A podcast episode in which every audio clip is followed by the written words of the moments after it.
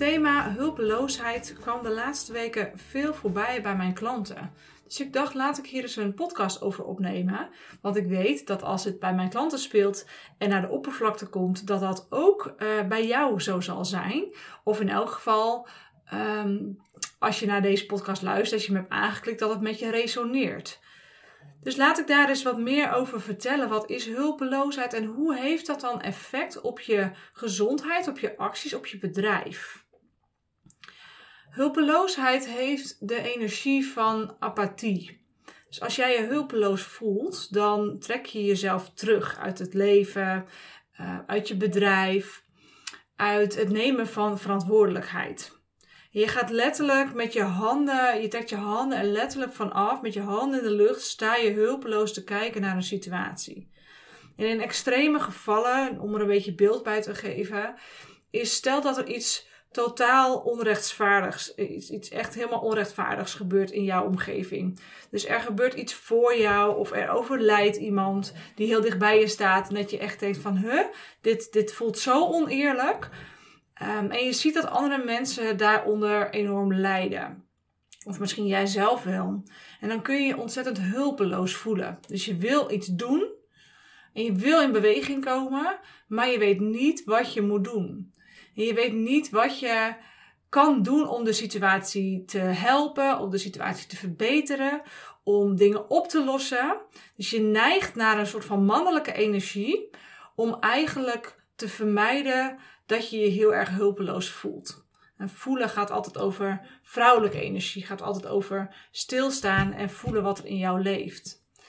Dus het mannelijke, oftewel je wil iets oplossen, um, dat helpt je om niet te hoeven voelen wat nou zo confronterend of oneerlijk of moeilijk is. En in die hele situatie kun je je dus ook hulpeloos voelen. En dat je echt apathisch wordt en jezelf daardoor ook terugtrekt uit de situatie. Nou, en door hulpeloosheid kun je je ook op verschillende manieren gaan gedragen. En dat betekent dus inderdaad dat je ook actiegericht gaat worden en heel gaat pushen. Of misschien juist jezelf helemaal opsluit in een kokonnetje. Misschien krijg je er ontzettend veel stress van. En zit je echt met je handen in het haar van wat moet ik doen, wat, wat, wat, wat kan ik doen? En ga je juist heel erg naar binnen slaan. Dus ga je heel erg in een zware, moeilijke energie zitten, schuldgevoel van ik had iets moeten doen, et cetera. Er zijn heel veel reacties die je kunt hebben op je hulpeloos voelen. Nou, de basis is, altijd erken dat je je hulpeloos voelt. Dat je even niet weet wat jou te doen staat. En dat noem ik ook wel de energie van het niet weten helemaal accepteren. Het is oké dat je het soms gewoon even helemaal niet weet. Dat je niet weet wat jij moet doen. Niet, dat je niet weet wat de volgende stap is. Dat je niet weet hoe je iemand kan helpen. Dat is echt oké. En leer daar dus ook mee te zijn. dat is echt stap 1. Als je erkenning geeft aan je hulpeloosheid, dan kan hulpeloosheid naar het licht komen en dan kun je erop doorbouwen. En dan kun je door eh, het ruimte te geven, ehm, de hulpeloosheid zelf opruimen en daardoor licht krijgen op de situatie. Hè, inzicht te krijgen van wat je dan misschien wel zou kunnen doen. Oké, hulpeloosheid. Hulpeloosheid is een thema dat vaak overgaat in de vrouwenlijn. Soms ook in de mannenlijn, maar ik zie vaak dat het in de vrouwenlijn naar voren komt. En dat komt omdat wij generationeel gezien, als je even teruggaat in onze geschiedenis, het leven is heel erg voor vrouwen geleefd en bepaald. En er zijn ook uh, heel wat periodes geweest dat het leven um, zelf, dat het collectief, heel zwaar was. En denk aan oorlogen, denk aan kindersterfte, omdat er gewoon geen goede zorg was. Denk aan um, heel veel ziekte, mensen die, uh, die vroeg stierven. En overal sta je aan de zijlijn te kijken terwijl dat allemaal voor je gebeurt en met je gebeurt.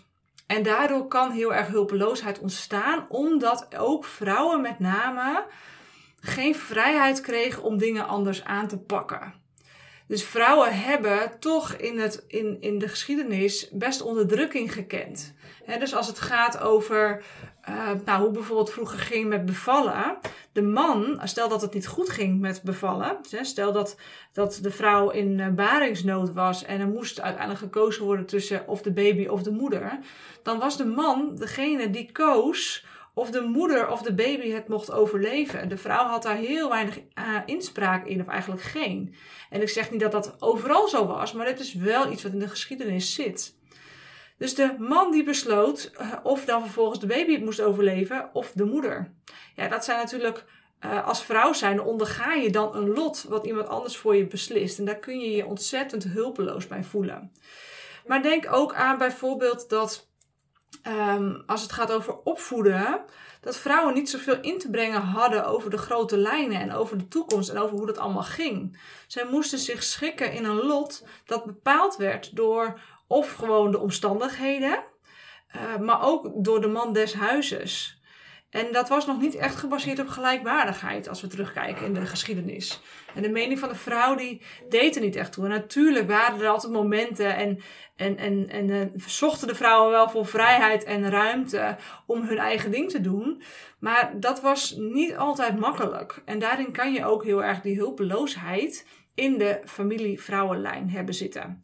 Geldt natuurlijk ook voor mannen, zeker wat ontwikkelde mannen die uh, in een maatschappij zichzelf staande moesten houden en daarbij ook op veel weerstand stuiten.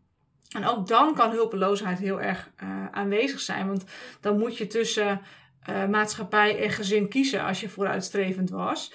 En ook daarin kun je dus voelen van ja, um, ik wil het op een bepaalde manier doen, maar dat heeft bepaalde consequenties voor bijvoorbeeld sociale stand. En ook daarin kun je dan dus voelen dat je soms beslissingen moet nemen die helemaal niet bij je passen, uh, maar dat dat dan toch past in de omstandigheden. En daarin kun je dan ook heel erg die hulpeloosheid meegekregen hebben. Dus hulpeloosheid is een thema wat generationeel overgedragen wordt. Nou, als je dat kunt zien en als je dat kunt erkennen, dan um, komt er ruimte, wat ik al zei. En vanuit die ruimte kun je ook eens gaan kijken wat heeft uh, dit voor effect op mijn gedrag in het nu? Dus hoe uh, sta ik bijvoorbeeld in mijn bedrijf? Voel ik mij super gefocust, super in control? Voel ik mij echt CEO van mijn bedrijf en zet ik elke dag de stappen uh, die nodig zijn? Of heb ik ook wel eens uh, regelmatig en misschien zelfs overheersend een handje van apathisch en mezelf verstoppen en mezelf terugtrekken. Want daar kan het thema hulpeloosheid heel erg bij meespelen. Dat je gewoon niet weet wat je moet doen, maar dat je vanuit hulpeloos ook niet weet uh, waar je dan om hulp mag gaan vragen of kan vragen. Want dat hoort daarbij. Als jij jezelf terugtrekt, dan is je neiging niet om, om, hulp, om hulp te vragen, want het voelt heel erg kwetsbaar binnen die staat van zijn. Dus als je vooruit wilt, dan zul je het thema hulpeloosheid naast je neer moeten leggen. Of met je mee moeten nemen, helemaal erkennen en gewoon onder je arm met je meenemen. Want dan kun jij de leiding houden daarover in plaats van dat hulpeloosheid de leiding heeft over jou. Maar het moet in elk geval gezien worden. Het moet gevoeld worden. En je mag erkennen dat, er, dat je het soms dus gewoon even niet weet. En als je dat niet weet dan ruimte geeft, dan kun je weer verder met de volgende stap. Nou, aan welke fysieke klachten zou je dit kunnen koppelen? Dat zijn uh, natuurlijk een legio aan klachten. Hè, want het, het niet weten uh, en het uh, terugtrekken en het niet tot actie overgaan, dat speelt bij, uh, bij veel klachten. Dat je het gewoon niet weet en dat je je hulpeloos voelt en dat je naar de dokter kijkt en die weet het ook niet.